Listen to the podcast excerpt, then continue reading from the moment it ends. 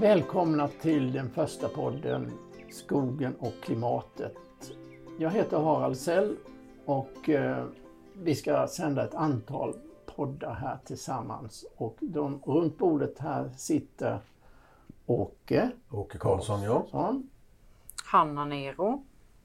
Elin var det. Ja, och vi fyra ska tillsammans eh, jobba nu under en tid framåt med att skapa den här podden som ska beröra de här viktiga frågorna som har med eh, hur, man kan grovt säga, hur klarar den svenska skogen framtidens klimat?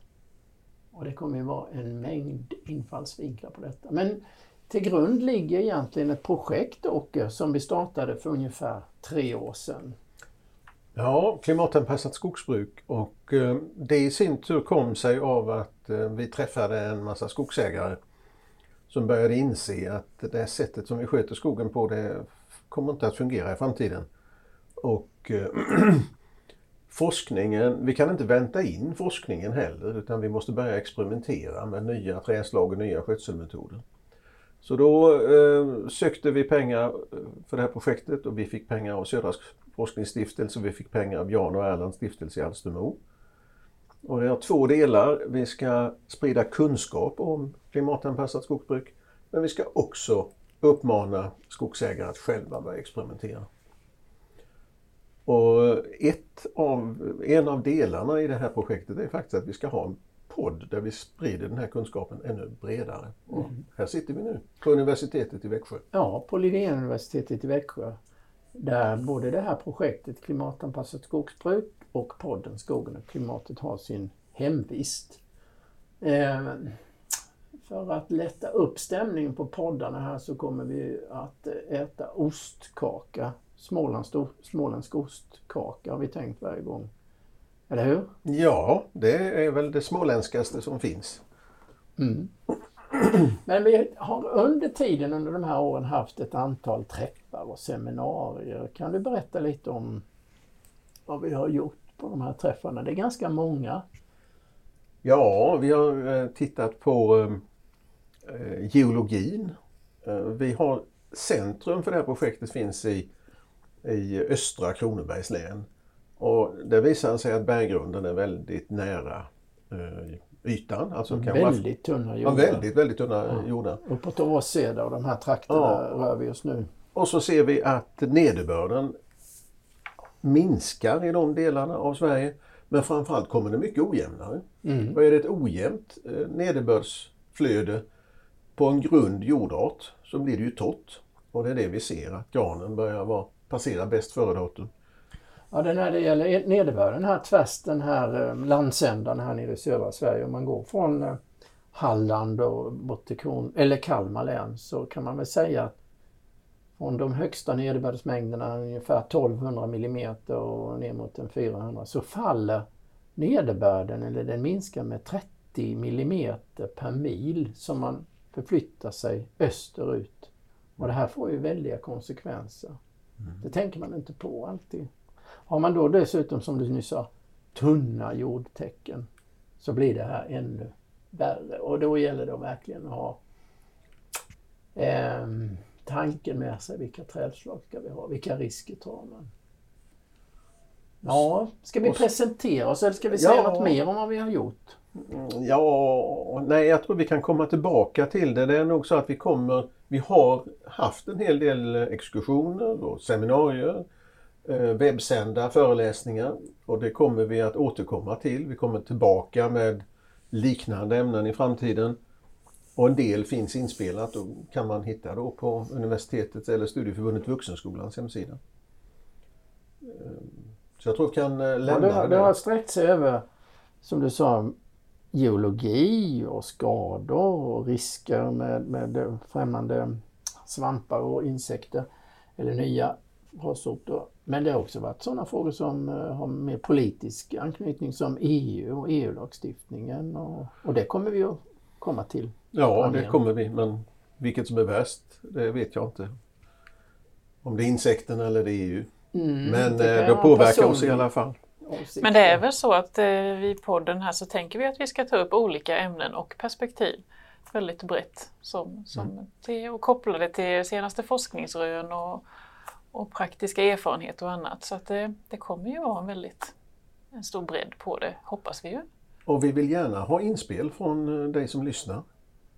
Är det frågor som ni vill att vi ska ta upp så eh, kan vi inte svara på dem själva, vilket jag oftast inte kan i alla fall, eh, så letar vi reda på de som kan svara på det. Och vi kanske också då kan föra informationen vidare med hjälp av podden. Vi får några bra tips och idéer. Precis. Och Skulle vi ta den där presentationsrundan? Ja, jag tycker det. Tycker- Vilka är det som sitter? Nu är ni väl förstås nyfikna. Vad är det för filurer som sitter här runt bordet? Vi kan börja med dig Elin. Ja, precis. Eh, Elin Wade heter jag. Jag är skogsägare, ganska nybliven eh, ny, nyutexaminerad från skogskandidatprogrammet här på Linnéuniversitetet. Och eh, därefter har jag hamnat som eh, inköpare eh, på ett skogsbolag. Mm. Ja, korta drag bor norr om Växjö, Braås, eh, där jag också har min gård och fastighet. Säger vi något mer? Räcker det så? Ta vidare. Ja, jag är nästan granne med dig Elin. Jag bor lite längre nordost. Upp, ut om Växjö. Också skogsägare. Och min bakgrund är att jag är jägmästare. Och jag jobbade som, det du har börjat med jobba med, som inköpare åt ett skogsföretag. Var ute hos skogsägare och köpte avverkningsrätter och avverkade dem och så vidare. Och sen har jag jobbat många år på Sveriges lantbruksuniversitet, Pasa försökspark och sen nu de sista 20 åren drygt eh, på eh, Linnéuniversitetet med eh, utbildning och forskning. Det är vad man kan säga om mig. Ja, jag, jag är, det är skog hela dagen som det är för oss allihop här. Mm. Hanna Nero. Eh, och jag är också skogsägare. Och jag har precis som Elin läst eh, kandidatprogrammet på Linné för några år sedan. Och jobbar till vardags idag med skogsvård. Eh, och jag är också en rätt så, rätt så intresserad av odling generellt. Trädgård och lantbruk och ja, planter och sånt här. Det tycker jag är väldigt skojigt. Jag har faktiskt också jobbat på träindustri. Knyter också an till skogen lite grann. Mm, absolut. Och jag heter Åke Karlsson och jag är den som inte har studerat någon skog. Eh, Men jag har i alla fall varit skogsdirektör i Domänverket. Eh, Så det är väl alltid något. Men jag har varit var, jag är väldigt intresserad av skog och klimatfrågor. eh, Och forsknings... Jag har alltid intresserat mig för forskningen. eh, Var, var forskningsfronten befinner sig. Så eh, det är väl... Och dessutom har varit intresserad av EU-frågor. Och det är härligt att i slutet av sin karriär kunna göra en syntes och försöka hämta erfarenheter och eh, kontakter från olika delar av samhällslivet och försöka få nytta av det. Skogsägare är du ju. Skogsägare är jag. Mm. Och bor precis på gränsen där granen fortfarande klarar sig. Den västra delen av fastigheten klarar sig granen än så länge, men jag undrar hur många år till. Sen är det tall för resten.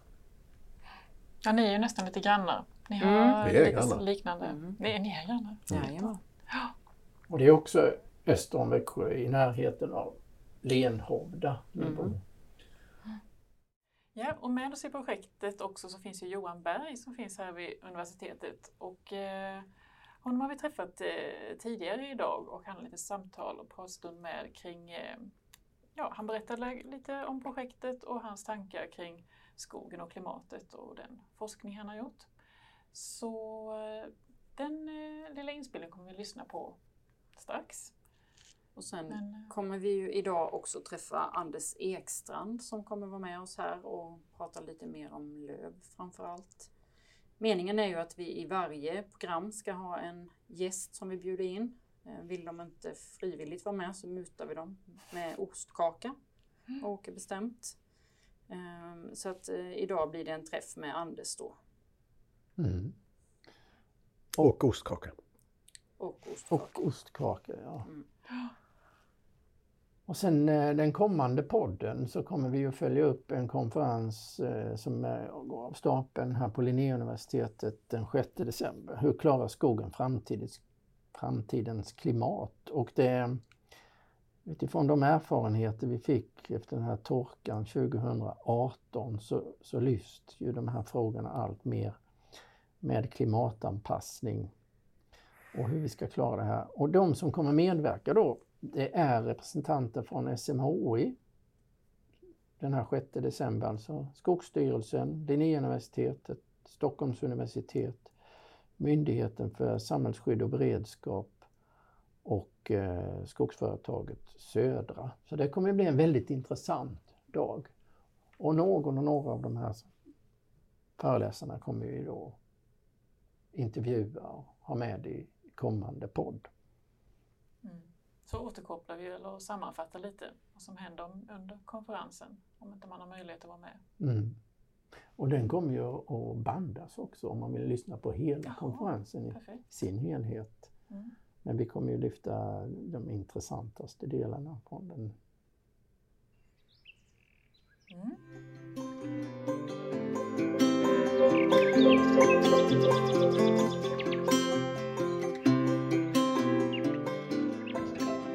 Johan Berg från Linnéuniversitetet, professor i skogsskötsel och med en viss inriktning mot klimatförändringar och klimatnytta. Ja, vi har ju ett projekt som heter Skogen och klimatet, Johan. Um, vad skulle du vilja säga om det? Jo, men det startade ju för snart tre år sedan och eh, syftet med det här projektet det var ju att eh, få skogsägare i södra Sverige, privata skogsägare i södra Sverige att anpassa sin skötsel för att minska risker för klimatrelaterade skador, men även för att öka tillväxten och klimatnyttan i skogen. Och det har vi ju gjort i väldigt stor utsträckning genom ganska omfattande informationsinsatser. Men ett av syftena var ju också att få skogsägare att eh, starta upp demonstrationsförsök som goda exempel på hur man ska kunna klimatanpassa sin skog här i södra Sverige. Vi har fler med oss runt bordet här. Åke, du är också med, eh, Åke Karlsson. Ja, Åke Karlsson och jag är skogsbrukare i norra Vären där vi har centrum för det här projektet egentligen. Och eh, är väldigt eh, engagerad i just klimatfrågor och skog. Jag ser väl att eh, forskningen och förädlingen kommer inte att hinna med så snabbt som klimatförändringen går nu. Så vi vill hjälpa till med det. Det är en, en väldigt stor fundering. Jag kan ställa den frågan direkt till dig Johan. Här. Ehm, det är ju, vad är det för skillnad på kollager eller kollagring och kolinbindning? Ja, men kollagring som jag ser det är mer stationärt. Att det är kolinlagring i skogens biomassa i trädstammar och så vidare och i marken. Medan eh, kolinbindning, det är mer processen som leder till kolinlagringen. Så kolinbindningen det är någonting vi påverkar med skogsbruket då? Intensiteten? Precis, och eh, kol, eh, kollagret är mer eh, liksom liksom en strategi. Ska vi lagra eller använda skog, skogen då för att substituera till exempel. Så att kolinlagringen är liksom mer, det, det påverkar med strategier och inbindning med, med olika anpassade skogsskötselåtgärder. Och det, här, det här kommer vi gå djupare in i de kommande avsnitten i den här podden. Hur vi kan påverka, ja både och, men, men kanske framförallt inlagringen med vår skötsel. Eh, vi har ytterligare personer här runt Anders Ekstrand från Södra. Har du någon fundering, någon tanke, någon fråga du skulle vilja ställa till Johan Berg? Eh, ja, Anders Ekstrand heter jag då, är skogsskötselexpert på Södra. Ja, jag har ju en del funderingar eh, faktiskt att ställa till Johan och det är vilket tror du är det bästa sättet att motverka klimatförändringen sett från skogens synvinkel? Är det att låta den vara eller är det att använda skogen och utnyttja dess tillväxt?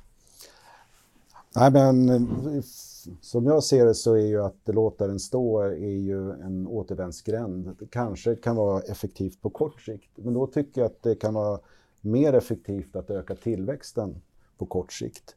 Minska riskerna, väldigt betydelsefullt för kolinlagring och kanske använda mer av det som finns redan i skogen, typ eh, hyggesrester. Ja, det är ju intressant för att det är ju inte bara så att det binds in nytt kol i skogen, det frigörs ju kol också.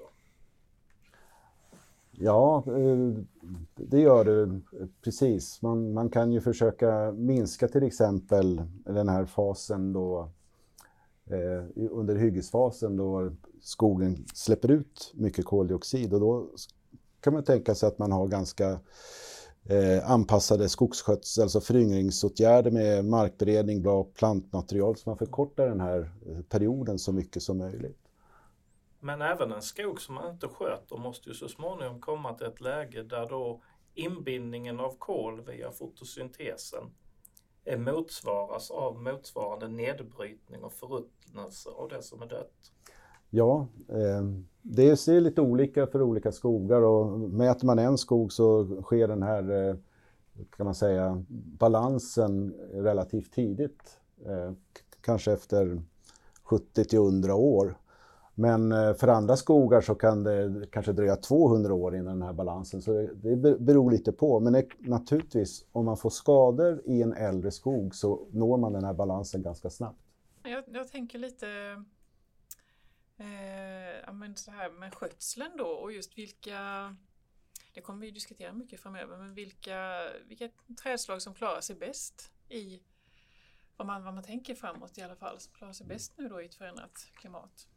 Ja, det är ingen lätt fråga att svara på, men jag skulle säga sådana som klarar väldigt många olika förhållanden, till exempel när det gäller torka.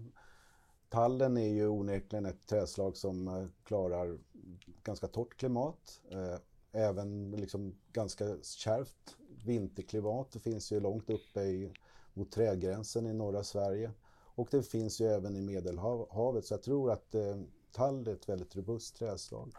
Sen så tror jag eken bland lövträd är kanske den, det trädslag som kanske är mest robust.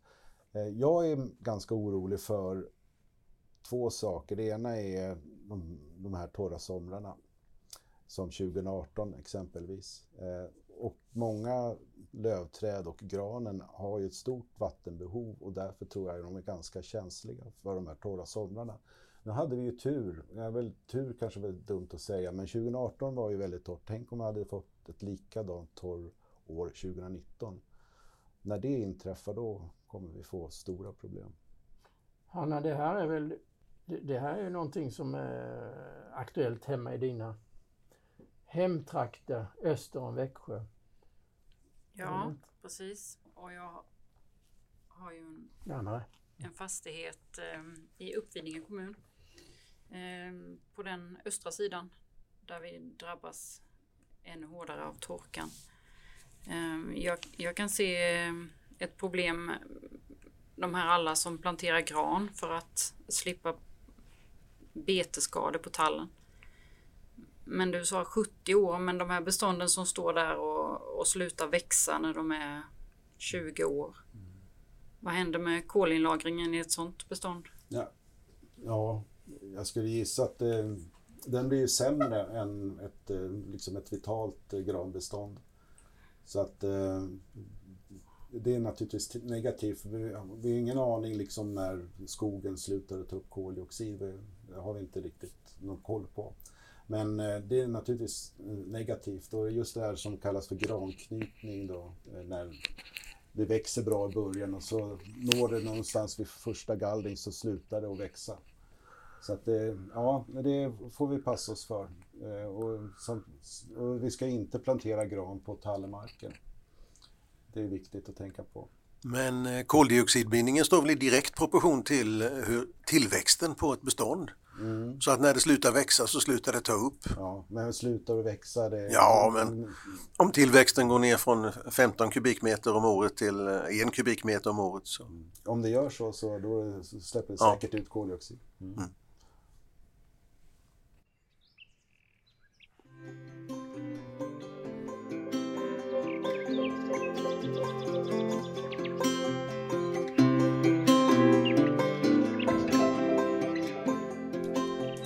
Vi hade en exkursion på Hovgård eh, utanför Älghult och eh, då tittade vi på en extremt dålig gran.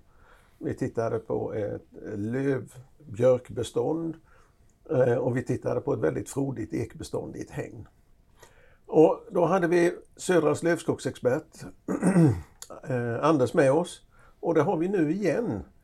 Nu har det gått ett par veckor sedan den här exkursionen. Har du några reflektioner efter eh, den tiden? Ja, det måste man nog säga och, eh, jag kan väl säga att av den där dåliga granen var jag nästan lite eh, chockad. Även om det har gått över nu. Men just det här att på riktigt torr och riktigt mager mark så kan man inte odla gran.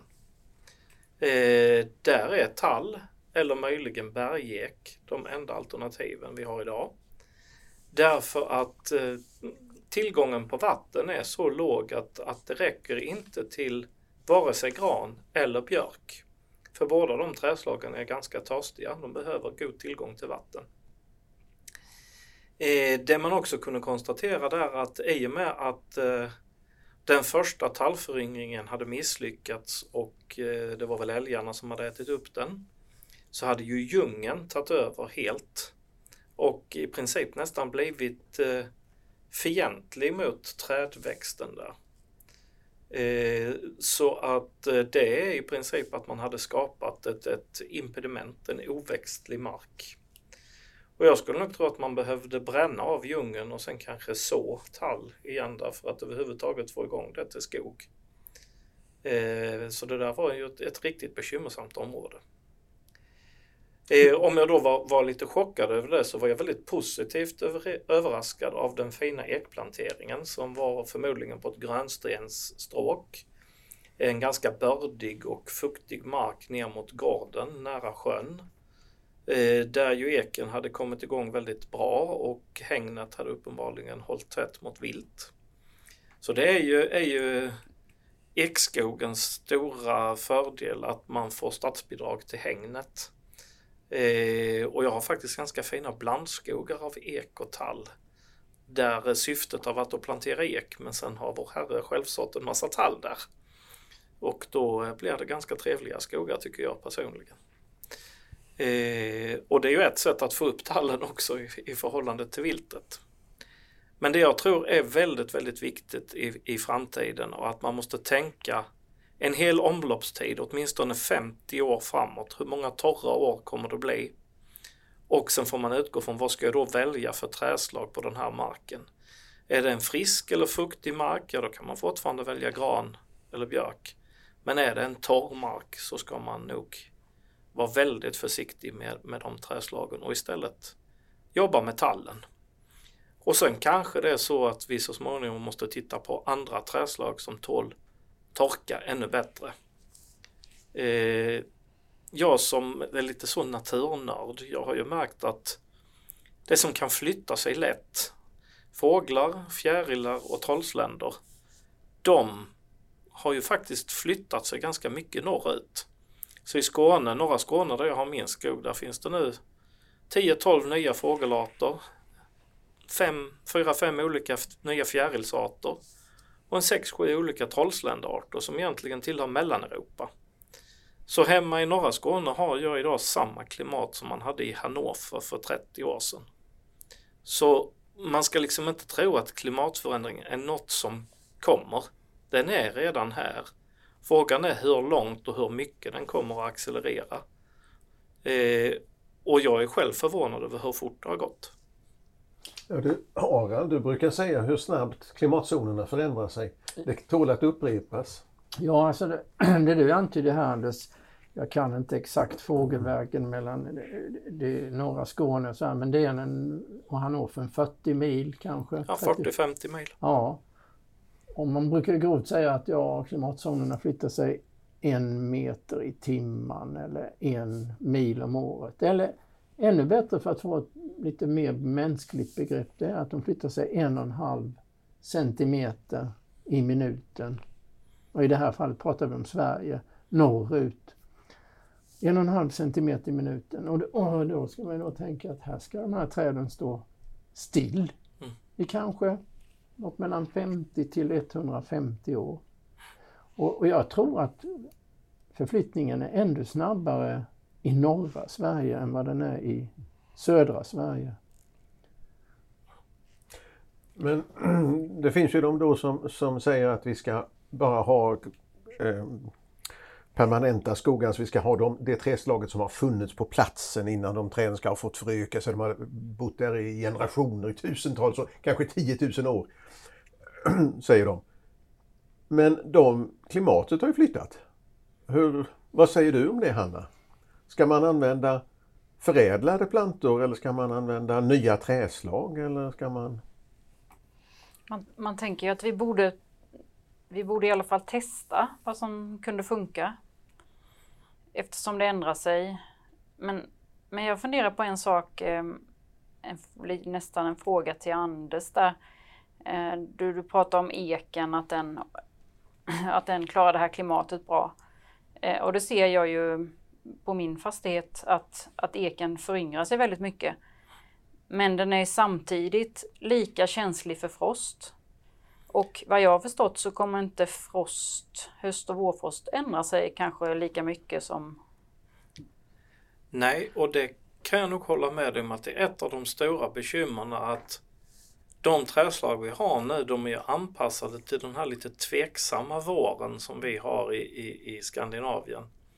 Just det här att, att eh, ja, det kan komma en frost och så blir det varmt igen och så kommer det en frost och så blir det varmt igen. Och är man för snabb på att slå ut där så, så fryser ju bladen av. Eh, och det har jag ju sett, men, men just eken och kanske framförallt bergeken verkar ju tåla att den fryser av en gång den kommer igen. Ja, det, det såg jag Eh, faktiskt. Däremot så är det ju då, jag har testat med en del sådana här sydeuropeiska träslag som är väldigt anpassade till torka. Men de tål ofta inte frosten. De fryser ihjäl i den där majfrosten som kommer när det har varit varmt i 14 dagar och som, som inte skulle komma. Och det är en väldigt stor utmaning för växtförädlarna här att hitta trädslag som både då kan utnyttja den längre växtperioden. För vi tror att alltså tillväxten kan hålla på kanske minst en månad, kanske till och med två månader, en månad på våren och en på hösten, längre. Och då får vi en, en bättre tillväxt. Men just hur man garderar för de här tveksamheterna i vädret, när, när kommer frosten och när kommer den inte? Jag märker ju idag väldigt stor skillnad. Jag har ett litet sommarhus vid havet nere på Österlen. Där har det inte frusit alls än. Medan på min gård uppe i Göinge, sju mil upp i skogen, där har det frusit två gånger redan. Och där har träden tappat alla löven. Men det har de inte nere vid havet. Så det är en väldigt stor skillnad bara på några mil. Vi hade ju alltså tre minusgrader i juni i år. Och det är ju... Det kommer ju säkert hända Ja, med lite jämna mellanrum. Och det är, det är definitivt ett problem med frosten. Eh, särskilt i liksom den här övergångsperioden från, från ett, ett ganska stabilt klimat där vi har liksom kontinentalt, det är varma somrar och det är kalla vintrar och så, och så är det bra så. Till det här lite mer tveksamma klimatet där det kan komma varma perioder eller kalla perioder vid fel tillfälle. Men utifrån det har jag funderat lite, är vi lite för snabba nu då kanske med att ställa, ställa om? Vi ligger väl i, går vi händelserna i förväg? Alltså, det är ju konstaterat att det som är snabbt på att flytta sig och ändra sig och utnyttja en förändring, det är ju fåglar och insekter och sånt som rör sig lätt. Växter är nog trögare och kanske ska vara trögare till sin natur. Så det gäller att inte riktigt ha för bråttom. Eh, utan, utan till stor del ska man försöka ståndortsanpassa med det material vi har lokalt. Eh, men att man då till exempel inte sätter gran på bergknallarna och inte sätter tall eh, på de bördigaste markerna eh, där det är mycket vatten. Utan att man verkligen utnyttjar de träslag vi har men gör det i ganska små bestånd på rätt marktyp. Mm. Eh, är man självverksam och, och, är beredd att jobba så kan man nog också jobba med blandskog. Då har man ju verkligen minskat risken om man kan ha tre träslag samtidigt på samma yta så borde något av dem gå bra. Men det är skötseltekniskt väldigt jobbigt. Och det kräver ofta mycket manuellt arbete och en intresserad skogsägare. Men sådana har vi ganska gott om i Småland så att det kan nog funka. Vad tycker du att man ska blanda alla, om du säger tre trädslag, att man blandar alla tre på samma yta eller ska man försöka hålla det som små grupper eller mindre bestånd som är trädslagsrena? Det är, det är också en bra fråga. Ni har ju Kronobergsmodellen, det här med att man använder björken som skärm. Och det funkar ju biologiskt väldigt bra. Men vi har ju upptäckt att tekniskt är det väldigt svårt att, att jobba med björk och gran tillsammans och plocka ut björken vid rätt tillfälle. Så ofta är det alltså en, en, en skötsel och teknisk fråga som gör det svårt med blandskog. Medan biologiskt sett är det ofta väldigt, väldigt bra. Eh, och därför så är det kanske lite bättre med mosaikskogar, alltså att man verkligen utnyttjar ståndortsvariationen så att man har små bestånd med björk eller gran eller tall beroende på markens egenskaper. Då, då blir det lite lättare att sköta det och, och välja. Eh, jag har själv en gång stämplat ett bestånd med instruktionen att det skulle finnas 12 olika lövträdsarter kvar i beståndet efter åtgärd och de fanns före åtgärd. Och jag har aldrig kliat mig så mycket i huvudet som när jag försökt att göra det här urvalet. Det blir ganska krångligt ju fler trädslag där är på en mark. Men du säger att man ska gärna använda det bestånd som, som finns där men de, de björkarna vi har här är ju rätt erbarmliga egentligen. Alltså när man kommer upp i Dalsland eller till och med Dalarna eller i Finland så är det ju väldigt mycket bättre sågbar björk.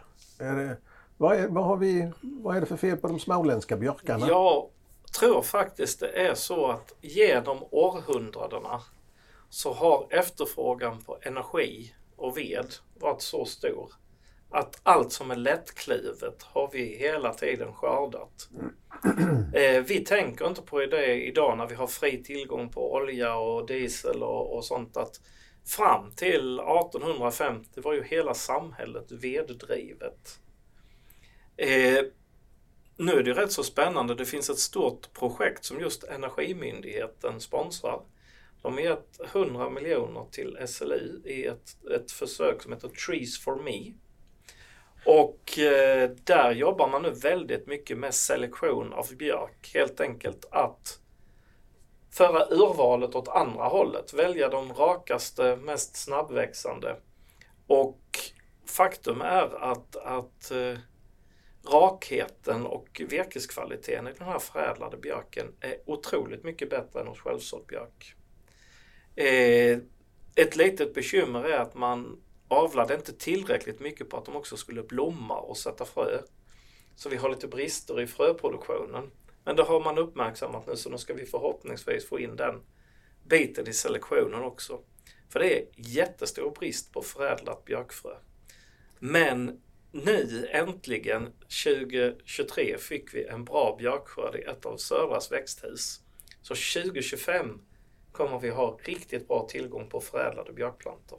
Det blir hyggesvila kallar jag det. Ja, men man kan då också konstatera att tänk på att björken behöver mycket vatten. Vi använder ju björken som skärm på kalla, fuktiga marker just för att den dränerar marken. Men den har ju också ett, ett väldigt effektivt rotsystem som kan hämta vatten lite djupare än vad granen kan och över kanske en lite större yta. Så björken har ju ganska stor spännvidd men den tål ju inte de här tunna jordarna som är uppe på Hällebergen. För där kan den inte gå djupare efter vattnet. Där kommer den till stenen och då är det stopp. Vi har ju två arter av björk egentligen Anders. Vi har ju dels glasbjörk och sen har vi våtbjörk. Det är två helt olika arter. Ja. Men de självsår sig rikligt nästan överallt. Och det är ju så att våtbjörken är den som växer bäst på djupa jordar, på moränjordar och det är den man jobbar med att förädla. Glasbjörkens naturliga nisch är egentligen mer torvmarker och, och eh, sumpiga marker och den växer lite sämre. Men på frisk mark så ser man redan så i röjningsfasen så har vårtbjörken tagit över och där man röjer bort är glasbjörken. Medan på de här fuktiga mossodlingarna och myrkanterna och sånt i, Småland, där är det ju glasbjörk som gäller. Och det är också marker där man kanske då inte ska investera så mycket pengar i en plantering utan där kan man jobba med den självsådda björken. Och man får acceptera en lägre produktion. Men å andra sidan har man då inte lagt några pengar på själva planteringen. Men de markerna vi har uppe i alltså nordöstra delen utav Kronobergs län. Där är det ju dessutom så illa att vi har den tredje björksorten också, Betulanana. Eh, men det är dålig tillväxt på den. Då, men, är, då är du ända ute på myren. Ja, men vi har dem rätt gott Ja, om. Men eh, vi har också sett på en tidigare exkursion att vi har ett väldigt grunt jordartslager, Alltså det är ofta på väldigt stora ytor är det mindre än, än 50 centimeter. Och då är det egentligen inte lämpat för björk heller. Nej, det är det inte utan där är det tallen vi ska jobba med och sen tror jag att ett av de stora forskningsbehoven framöver är att hitta fler träslag som är lämpliga för tunna jordar där det är nära till berget. Eh, vi är alldeles för beroende av tallen idag.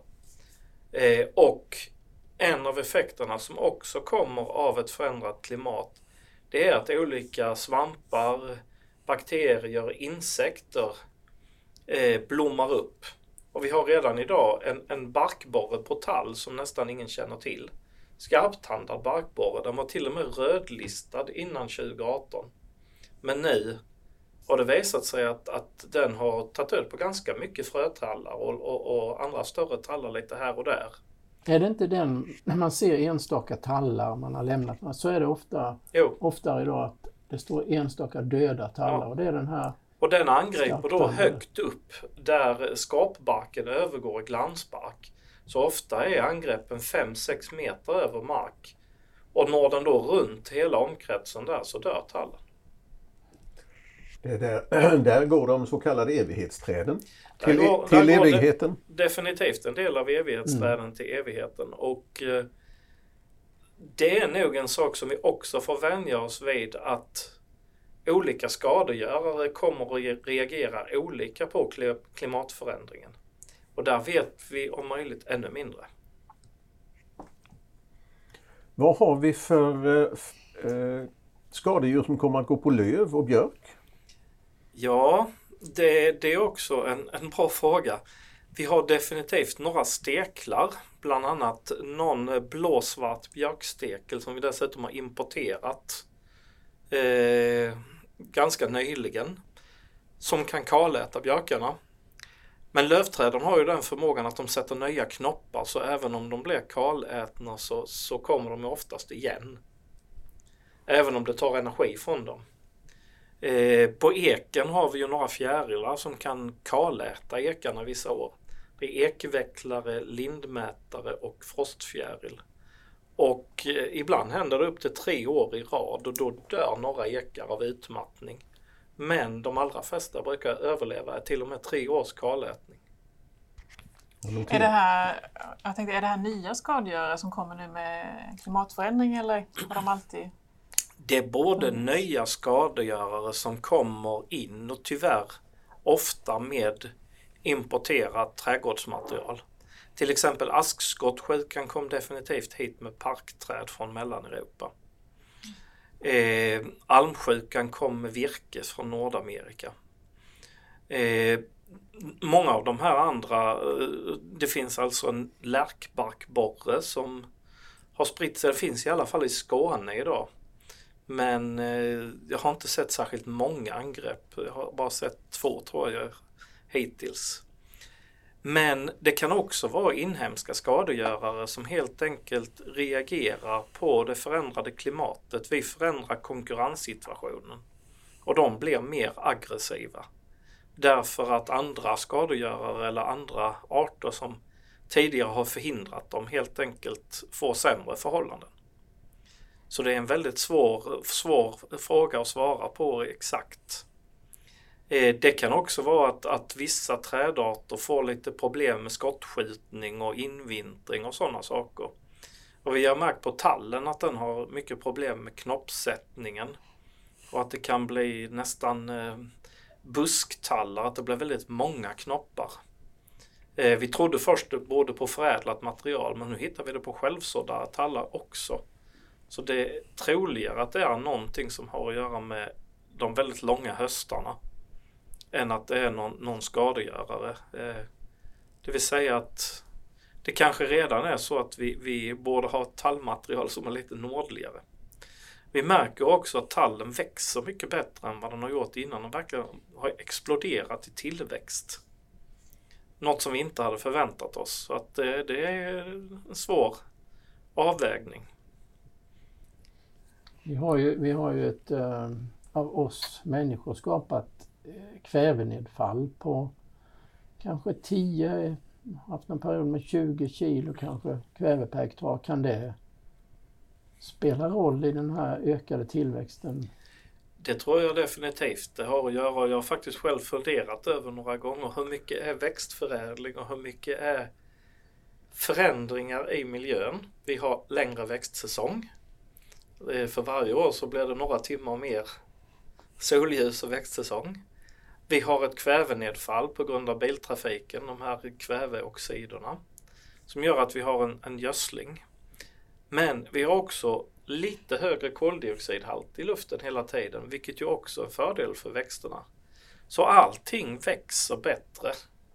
Det kan man bara konstatera. Sen vilka faktorer det i slutändan är det beror på, det är väldigt svårt att, att avgöra. Och en del beror säkert också på växtförädling och genetiskt urval. Men ibland tror jag de tillgodoräknar sig lite för stor andel av den förbättrade tillväxten. Jag tänker på eh, tallen och att den växer bättre nu, säger du. Mm. Jag tycker att det låter lite konstigt för tallen startar ju väldigt tidigt på våren. Och eh, sätter knopp ganska tidigt. I år till exempel hade den ju satt knopp när det, började, när det verkligen började regna och granen växte. Hur, hur nyttjar tallen då ändå det till att växa bättre? Alltså det är ju då när tallen hamnar på lite bördigare mark där det finns tillgång på vatten och näring. Men eh, det, ju, det, var ju bra för tallen att den kunde sätta knopp tidigt för annars kanske de till och med hade dött på de torra markerna. För det var ju en väldigt eländig vår. Ja. Men, men man, men, man tänker att den eh, borde kunna förädlas på något vis för att nyttja, som du säger, en längre... Det är möjligt att vi måste förädla tallen på flera olika egenskaper. Att det kanske är så att vi ska inte ha samma plantmaterial på magra torra marker som vi har i blandskog med gran på bördigare marker. Eh, för att de har så pass olika förutsättningar. Och som sagt, jag tror också att vi kanske borde titta på andra tallarter också på de här torraste och magraste markerna. Eh, men då pratar vi ju om främmande träslag. Om man istället tänker på bergeken så har du ett alternativ på de riktigt torra markerna men då tänker man ju på ekkratt och kanske inte förädlas det någonting på bergeken? Vi har börjat väldigt försiktigt. Ni har en annan eh, professor på Linnéuniversitetet som heter Johan Kron som bland annat har jobbat lite med bergek. Och vi börjar titta nu på, på olika försöksplanteringar med bergek. Eh, och vi börjar också leta upp, det finns lite privata provytor här och där där vi kan hitta tillväxtfunktioner och sånt från, från där folk faktiskt har mätt på dem. Eh, så vi börjar få en kunskap om bergeken. På de allra sämsta, magraste markerna så tror jag det mer kan vara fråga om att producera bara biomassa. Det handlar alltså om att du kanske inte får något annat än en, en bränsleflis av dem. Men du får trots allt en skogsproduktion och en inbindning av kol jämfört med då att de här markerna förblir kala. Eh, bergeken är ju ganska stor idag i, i Bohuslän och de bergknallarna där det idag växer bergek, det kallade man för fjäll för hundra år sedan. Då var de skoglösa. Intressant. Eh, vi ska ha en liten gimmick i den här eh, podden. Vi ska bjuda våra gäster på småländsk ostkaka. Så nu kommer det bli lite slammer här eh, ett litet ögonblick kära lyssnare. Medan vi plockar fram eh, den regerande världsmästaren i småländsk ostkakas ostkaka. Eh, nämligen Margareta Bengtsson Kramer. Har bakat den här ostkakan som vi alldeles strax ska avnjuta. Så nu tar vi en liten, liten paus.